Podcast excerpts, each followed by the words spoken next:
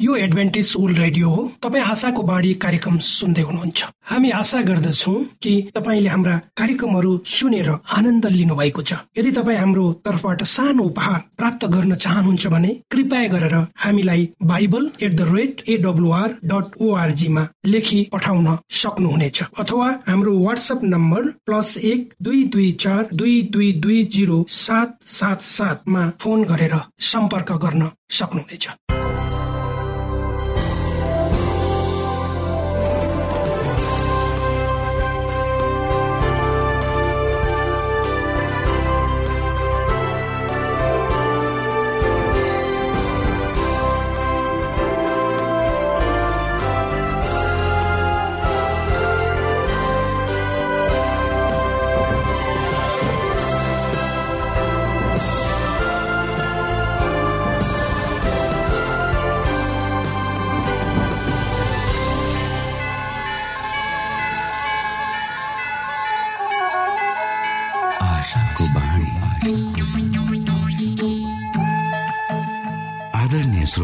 नमस्कार। यो समय तपाईँ एडभेन्टिस्ट ओल्ड रेडियोको प्रस्तुति भोइस अफ होप आशाको बाणी कार्यक्रम सुन्दै हुनुहुन्छ। कार्यक्रम प्रस्तुता म रवि यो समय तपाईँको साथमा छु। आशाका सन्देश सहित प्रेम र विश्वासको सन्देश सहित आशाको बाणी कार्यक्रम रेडियोको तरङ्ग मार्फत तपाईँको सामु आइपुगेको छ। आजको कार्यक्रमले तपाईँको जीवनमा नयाँ सन्देश पुर्याउन सकेकै होस्। हाम्रो शुभेच्छा तपाईँको निम्ति यही रहनेछ दैनिक यसलाई सुन्ने गर्नुहोस् र आफूलाई चाहिने प्रकारको आशिष र अगुवाई अवश्य यहाँले लिन सक्नुहुनेछ भनेर हामीले आशा लिएका छौँ। आउनुहोस् आजको कार्यक्रमलाई पनि हामी एउटा मधुर भजन सहित अगाडि बढाउँ।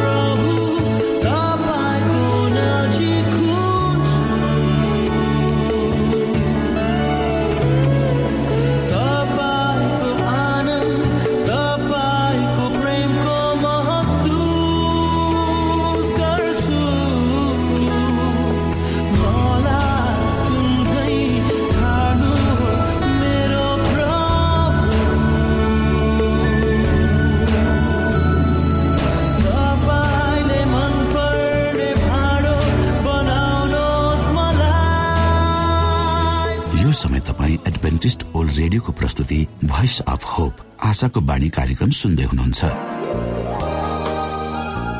तपाईँ आशाको बाणी कार्यक्रम सुन्दै हुनुहुन्छ। हामी आशा गर्दछौ कि तपाईँले हाम्रा कार्यक्रमहरू सुनेर आनन्द लिनुभएको छ। यदि तपाईँ हाम्रो तर्फबाट सानो उपहार प्राप्त गर्न चाहनुहुन्छ भने कृपया गरेर हामीलाई Bible at the rate AWR dot ओआरजीमा लेखी पठाउन सक्नुहुनेछ। अथवा हाम्रो वाट्सएप नम्बर प्लस एक दुई दुई चार दुई दुई दुई जिरो सात सात सातमा फोन गरेर सम्पर्क गर्न सक्नुहुनेछ। श्रोता मित्र यो समय हामी पास्टर उमेश पोखरेलबाट आजको बाइबल सन्देश सुन्नेछौ। श्रोता साथी न्यानो अभिवादन।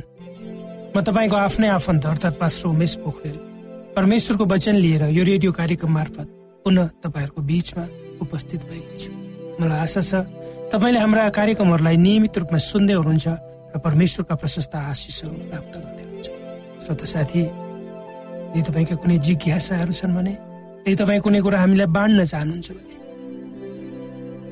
हामीलाई कृपया गरेर आफ्नो हाम्रो पत्र व्यवहारको ठेगानामा लेखेर पठाइदिनु भयो भने हामी तपाईँलाई धन्यवाद तपाईँको लागि हामी प्रार्थना गर्ने आउनुहोस् तपाईँ हामी केही समय आज परमेश्वर सँगसँगै बिताउनेछौँ। आजको प्रस्तुतिलाई पस गर्नुभन्दा पहिले आउनुहोस् म परमेश्वरमा अगुवाईको लागि बिन्ती राख्नेछु। जीवित जिउँदो महान दयाल परमेश्वर प्रभु। हामी धन्यवादी छौँ यो जीवन र जीवनमा दिनुभएको प्रशस्त आशिष। यो रेडियो कार्यक्रमलाई प्रभु म तपाईँको हातमा राख्दछु। यसलाई तपाईँले लिनुहोस्। तपाईँको राज्य र महिमाको प्रचारको खातिर यो देश र सारा संसारमा तपाईँले सबै बिन्ती प्रभु यीशुको नाम आमेन। श्रोत साथी एकपटक जोन विस्लीले यसो भनेका थिए। मलाई एक सय मानिस चाहिएको छ जसले संसारको कुनै कुरालाई प्रेम गर्दैन तर परमेश्वरलाई मात्रै प्रेम गर्दछ। खराबलाई मात्र घृणा गर्छन् र अरू कुनै कुरा जान्दैनन् तर यसुलाई चिन्छ त्यति भयो भने म संसारलाई परिवर्तन गरिदिनेछु। विलियम क्यारी जसले परमेश्वरको काममा कहिले पनि नथाकी मेहनत र परिश्रम गरे भारतमा धेरै मानिसहरूले परमेश्वरलाई चिन्ने र देख्ने मौका उनबाट पाए। अर्थात् विलियम क्यारी ती परमेश्वरका दास हुन् जसले आफ्नो देश र भूमिलाई छोडेर टाढाको देशमा परदेशमा आएर परमेश्वरको लागि आफ्नो जीवन आहुति गरे। विलियम क्यारी बेलायतमा सत्र अगस्त सत्र सय एकसठीमा जन्मेका थिए। उनका बाबुको इच्छा उनी एक जुत्ता बनाउने मानिस बनुन् भन्ने थियो र उनी इसाई थिए। उनको कक्षा कोठा भनेको जुत्ता बनाउने मानिसको ठाउँ थियो र शिक्षक चाहिँ स्वयं परमेश्वर हुनुहुन्थ्यो। उनको हृदयमा धेरै मानिसहरू जसले परमेश्वरलाई चिनेका छैनन् तिनीहरूलाई स्वर्गमा लाने थियो। उनले धन सम्पत्ति सुन चाँदी कमाउने इच्छा भन्दा भारतमा गएर परमेश्वरको प्रचार प्रसार गर्ने निर्णय लिए। सत्र सय बयानब्बे मे महिनाको एकतिसमा उनले परमेश्वरबाट मात्र महान कुरा आशा गर्न सकिन्छ र परमेश्वरको निम्ति ठुलो काम गर्न सकिन्छ भनेर आफ्नो प्रचार यात्राको सुरुवात गरेको पाइन्छ। उनलाई आधुनिक मिसनरीका पिताको रूपमा चिनिन्छ। उनी बहुयामी व्यक्तित्व भएका मानिस थिए। उनले धेरै कामहरू गरे जसमा बाइबलको अनुवाददेखि लिएर सेवाका महान कामहरू पर्छ। नोभेम्बर एघार सत्र सय त्रियानब्बेमा उनी नोभेम्बर एघार सत्र सय तिरानब्बेमा भारतमा परमेश्वरको काम गर्न उनी आए भने उनी नै पहिलो परमेश्वरको काम गर्ने विदेशी मिसनरी भारतमा भारतको लागि थिए। र त्यहाँ उनले एकचालिस वर्षसम्म लामो वर्षहरू परमेश्वरको सेवामा उहाँको गवाई दिँदै बिताए। उनकी श्रीमती दोरथी निरक्षर थिइन् त्यसकारण आफ्नो श्रीमानको सेवाकाईको कार्यलाई धेरै सहयोग गर्न उनले सकिन। भारतको पश्चिम बङ्गाल राज्य स्थित सारमपुर भन्ने ठाउँमा मिसनरी कलेजको स्थापना गर्ने काममा उनले ठूलो कठिनाईको सामना गर्नु पर्यो। उनले भारतका मानिसहरूले बोल्ने साधारण भाषामा प्रचार गरे अर्थात् त्यो भाषा सिकेर प्रचार गरे र निरन्तर प्रयास र प्रयत्नको बावजुद धेरै मानिसहरूलाई परमेश्वरमा ल्याए। उनले बिसवटा भन्दा बेसी मण्डलीहरू र परमेश्वरको सेवा गर्ने संस्थाको स्थापना भारतमा उनले पवित्र धर्मशास्त्र बाइबललाई विभिन्न भारतीय भाषाहरूमा अनुवाद गरे। यद्यपि उनले बाइबल छाप्न प्रयोग गर्ने प्रेसमा आगो लाग्यो र धेरै महत्वपूर्ण दस्तावेजहरू जलेर खरानी पनि भए। त्यसको बावजुद पनि उनले हिम्मत हारेनन्। उनकै त्याग र बलिदानद्वारा अठार सय दसमा स्थापित भएको सारमपुर कलेज आज एसियामा भएका शैक्षिक संस्थाहरूमध्ये एक उत्कृष्ट संस्था मानिन्छ। उनले धेरै सामाजिक सुधारका कामहरू पनि गरे। समाजमा भएका नराम्रा रीतिरिवाज र चलनहरूको विरुद्धमा आवाज उठाए। त्यसमध्ये एउटा मुख्य सुधार भनेको सती प्रथा हामी सबैले पढेको वा सुनेको अवश्य छौँ कि नेपालमा पनि सती प्रथा थियो भारतमा चाहिँ। र श्रीमानको मृत्युपछि जलिरहेको चितामा।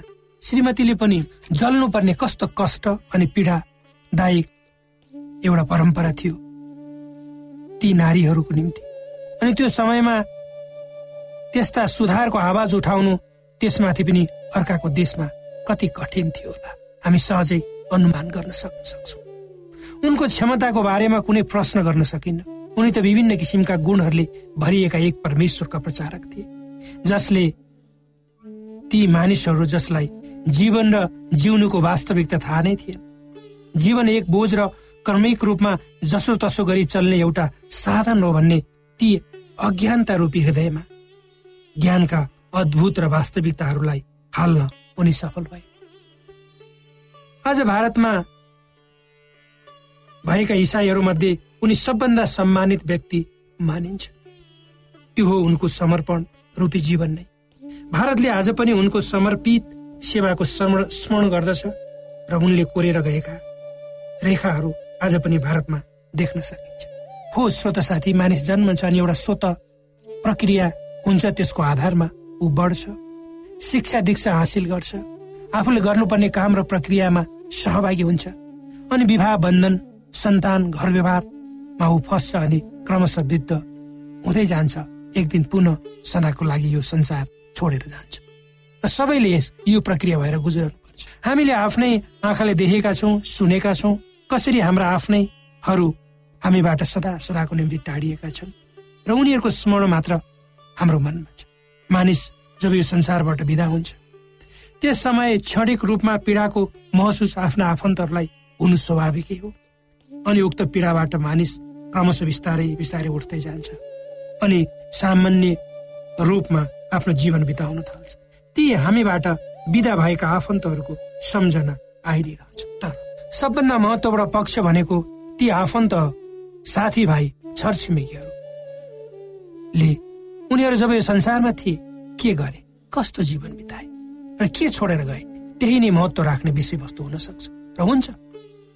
मानिस स्वभावैले स्वार्थी हुन्छ आफू र आफ्नो मात्र हित चाहन्छ। तर यदि मानिस आफूभन्दा माथि उठ्न सक्यो भने आफूलाई मात्र होइन अरूलाई हेर्न सक्यो भने अनि त्यो मानिसको जीवनलाई हेर्ने दृष्टिकोण नै फरक हुन्छ। विलियम क्यारी आजभन्दा दुई सय बिस वर्ष अगाडि बेलायत छोडेर भारत बिरानो देशमा परमेश्वरको प्रचार प्रसारको निम्ति आए। हामी कल्पना पनि गर्न सक्दैनौँ त्यो समय कति समय लगाए लगाएर उनी जहाजबाट भारत आए र कति दुःख कष्ट अनि अप्ठ्याराहरूलाई दिन प्रतिदिन उनले सय होला। किन उनले आफ्नो देश छोडे भन्दा त त्यो उनको मनमा बोलेको त्यो उनको मनमा बलेको परमेश्वर प्रतिको ज्वाला नै थियो भन्दा अत्युक्ति नहोला। जब उनी भारतमा आए परमेश्वरको सुसमाचार प्रचारको क्रममा धेरै हन्डर बाधा व्यवधानहरूको उनले सामना गरे। ती महान व्यक्तित्वको मृत्यु सारमपुर भन्ने ठाउँ ती महान व्यक्तित्वको मृत्यु भारतको वेस्ट बङ्गालको सारमपुर भन्ने ठाउँमा जुन नौ अठार सय त्रिचालिसमा भयो। आज पनि उनको सम्झनामा सारा संसार झुक्छ। उनलाई हृदयदेखि सम्मान गर्छ किनकि उनले जिएको जीवन उनको खातिर नभएर परमेश्वरको खातिर परमेश्वरका जनहरूको खातिर थियो। श्रोत साथी तपाईँ र मेरो जीवन हामीले के के को निम्ति कसको निम्ति किन जिउँदैछौँ? परमेश्वरको गवाई र सारा मानव जातिको सेवाको निम्ति तपाईँ र मेरा हातहरू बाँधिएका छन् वा आउनुहोस् हामी जहाँ छौँ त्यही जस्तो अवस्थामा छौँ त्यही अवस्थामा। एकछिन ती महान व्यक्तित्वहरू जसले आफ्नो जीवनलाई मानवताको निम्ति समर्पण गरे। परमेश्वरको ज्योतिद्वारा अन्धकारमा भएका मानिसहरू लाई उहाँको प्रकाशमा ल्याउन उनीहरूले गरेको महान र त्याग र बलिदानलाई सम्मान गरौँ र आफ्नो मन र हृदय ती दुन देखे र आफ्नो मन र हृदय ती दिन दुखी अथवा अनाथ र कष्टमा परेकाहरूको निम्ति फर्काउँ र हाम्रो सानो सहयोग र प्रयासले धेरै आत्माहरू जो अन्धकारमा छन् पीडा र कष्टद्वारा थिचिएर जीवनलाई एक बोझ मानेर जसो तसो सास फेर्दैछन्। तिनीहरूको हृदयमा आशा र खुसीका ज्योतिहरू। हामी बन्न सकौँ ताकि धेरै मानिसहरूले उनीहरूको जीवनमा जिउने प्रेरणा प्राप्त गरौँ यी वचनहरूले तपाईँलाई मलाई आशिष दिउन्।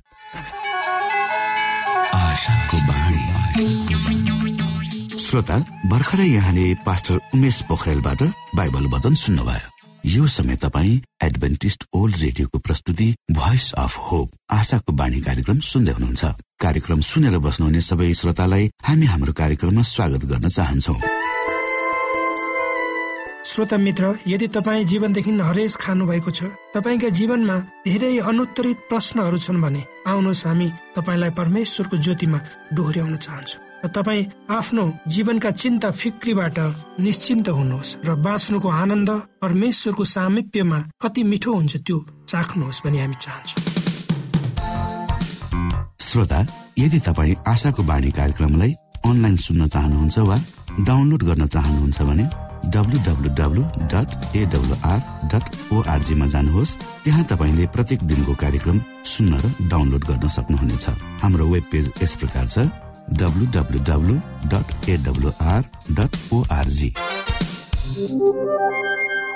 श्रोता यदि तपाईँ हामीसित सिधै फोनमा सम्पर्क गर्न चाहनुहुन्छ भने हाम्रा नम्बरहरू यस प्रकार छन्।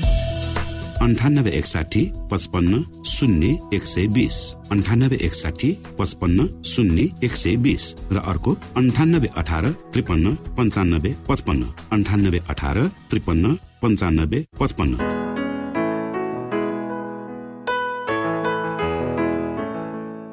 एडभेन्टिज ओल्ड रेडियो हो। तपाईँ आशाको बाणी कार्यक्रम सुन्दै हुनुहुन्छ। यस सम्बन्धी थप जानकारीको लागि कृपया गरेर हामीलाई सम्पर्क राख्न सक्नुहुनेछ। हाम्रो इमेलको ठेगाना Bible at the rate AWR dot org अर्थात् B I B L E at AWR dot org हो।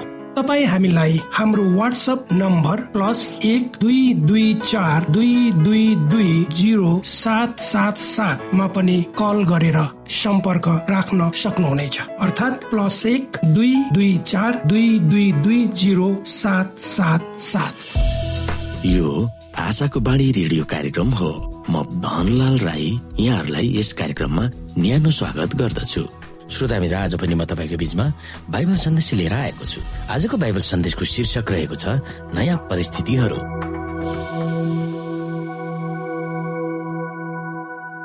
श्रोता साथी इजरायलीहरू आफ्नै अविश्वासको कारण चालिस वर्षसम्म अनावश्यक रूपमा मरुभूमिमा भौतारी रहेका थिए। ती विश्वास नगर्ने सबै पुस्ताको अन्त्य त्यही मरुभूमिमा भएको थियो।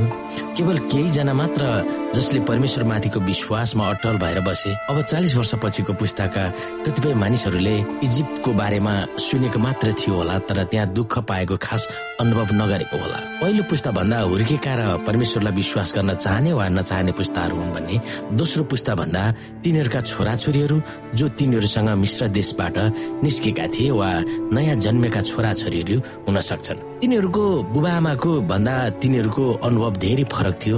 आफ्नो बाबुआमाको निरन्तर रूपमा परमेश्वरमाथि विश्वास नगरेको र त्यसको नतिजा भोग्नु परेको तिनीहरू प्रत्यक्षदर्शित भएका थिए। तिनीहरू पनि आफ्ना बुबाआमासँग मरुभूमिमा यात्रा गरेका थिए र अब आफ्ना बुबाआमाको पुस्ताको मरुभूमिमै अन्त्य भएको थियो। मरुभूमिमा यात्रा गरिरहनु पर्दा तिनीहरूले परमेश्वरको पवित्र स्थान तिनीहरूको शिविरको बीचमा भएको र त्यस स्थानमाथि परमेश्वरको उपस्थिति बादलद्वारा हुनुभएको हेर्ने अवसर तिनीहरूले पाएका थिए। जब त्यस बादल सर्यो तब तिनीहरू पनि आफ्ना सामानहरू पोक पारेर हिँड्ने बेला भयो भनेर तिनीहरूले महसुस गरेका थिए। मरुभूमिको गरम वातावरणमा त्यस बादलले दिनमा तिनीहरूलाई ठन्डा पारेको थियो भने रातमा त्यही बादल ज्योति भएर तिनीहरूको शिविरमा चम्केको थियो।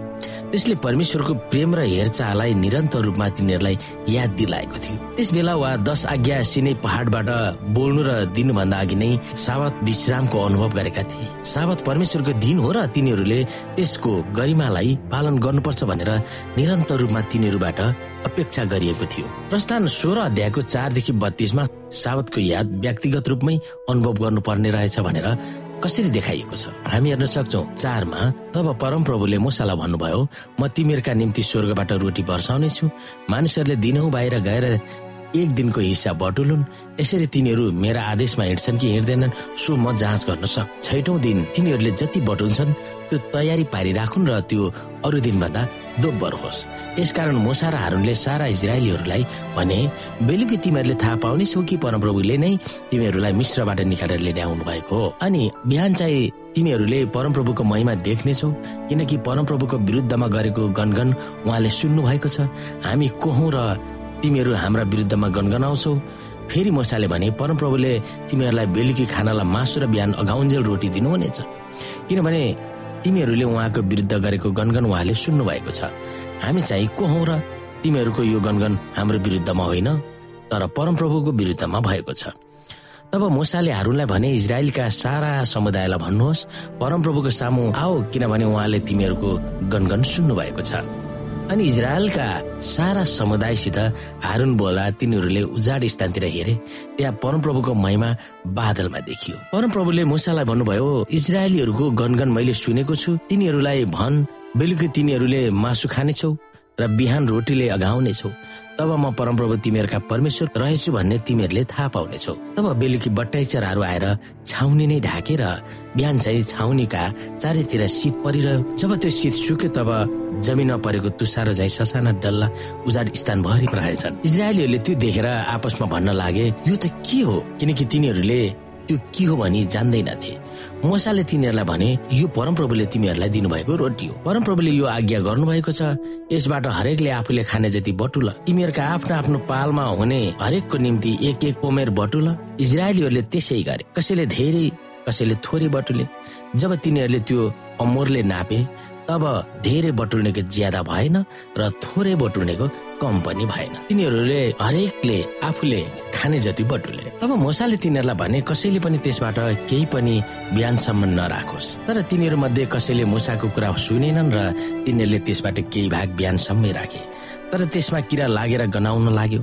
मुसा तिनीहरूसित क्रोधित भए। यसरी बिहान बिहान तिनीहरू हरेक मानिसले आफूले खाने जति बटुल्थे र घाम छिप्पिएपछि यो बिलाइहाल्थ्यो। छैटौँ दिनमा चाहिँ तिनीहरूले दोब्बर अर्थात् हरेकको निम्ति दुई दुई उमेर बटुले अनि समुदायका सबै नायकीहरू आएर मोसालाई त्यो कुरा बताए। तब तिनले तिनीहरूलाई भने परमप्रभुले हराउनु भएको कुरा यही हो। भोलि विश्रामको दिन हो। परमप्रभुको निम्ति एक पवित्र सभा त। जे पकाउनु छ सो पकाओ र जे उमाल्नु छ त्यो उमाल। जति उब्रिन्छ त्यो आफ्नो निम्ति बिहानसम्मलाई राख मोसाले आज्ञा गरे चाहिँ त्यो तिनीहरूले बिहानसम्मै राखी छोडे त्यो गन्नाएन र त्यसमा कुनै किरा पनि लागेन।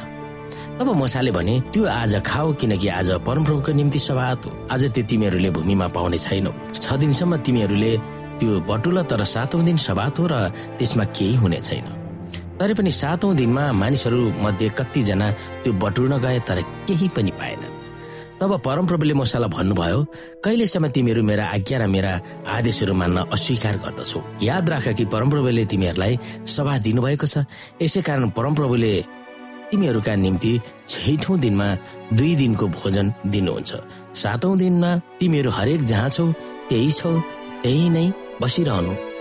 कुनै पनि मानिस आफ्नो डेराबाट बाहिर नजाओस्। यसकारण मानिसहरूले सातौं दिनमा विश्राम गर। इजरायलीहरूले त्यस रोटीको नाउँ मन नराखे त्यो धनिया जस्तो शीत थियो त्यसको स्वाद चाहिँ महमा बनाएको बाबर जस्तो थियो।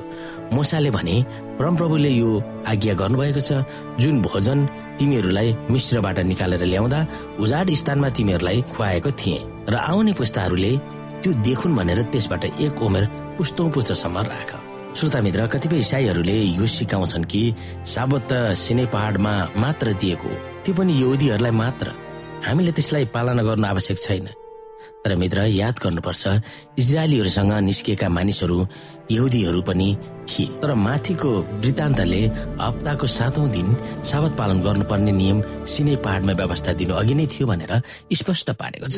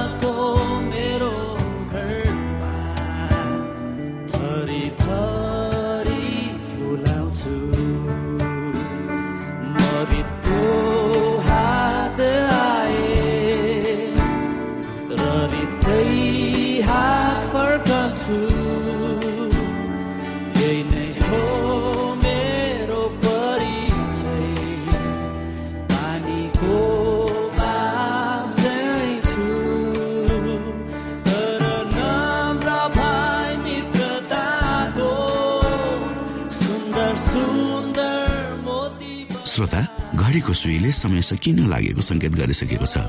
श्रोतासँग अरू समय बिताउने चाहना हुँदा हुँदै पनि हामीले कार्यक्रमबाट विदा माग्ने समय आइसकेको छ।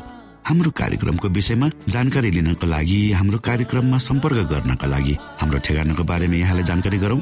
आशाको बाणी पोस्ट बक्स नम्बर दुई शून्य शून्य शून्य दुई काठमाडौँ नेपाल।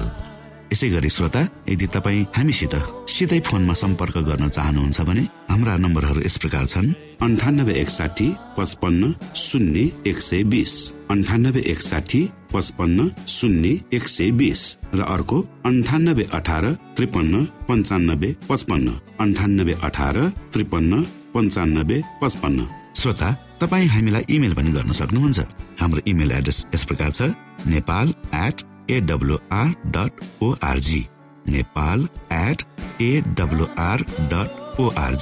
यदि तपाईँ हामीलाई अनलाइन सुन्न चाहनुहुन्छ वा डाउनलोड गर्न चाहनुहुन्छ भने तपाईँ W W W dot AWR dot ओआरजीमा जानुहोस् र त्यहाँ तपाईँले हाम्रो सबै कार्यक्रमहरू सुन्न सक्नुहुनेछ। हवस् श्रोता हाम्रो कार्यक्रम सुनिदिनु भएकोमा एकचोटि फेरि यहाँलाई धन्यवाद दिँदै भोलि फेरि यही स्टेशन र यही समयमा भेट्ने बाजा गर्दै प्राविधिक साथी राजेश पास्टर उमेश पोखरेल र कार्यक्रम प्रस्तुता म रवि यहाँसँग विदा माग्दछौ। परमेश्वरले तपाईँलाई धेरै धेरै आशिष दिनु भएको होस्। नमस्कार।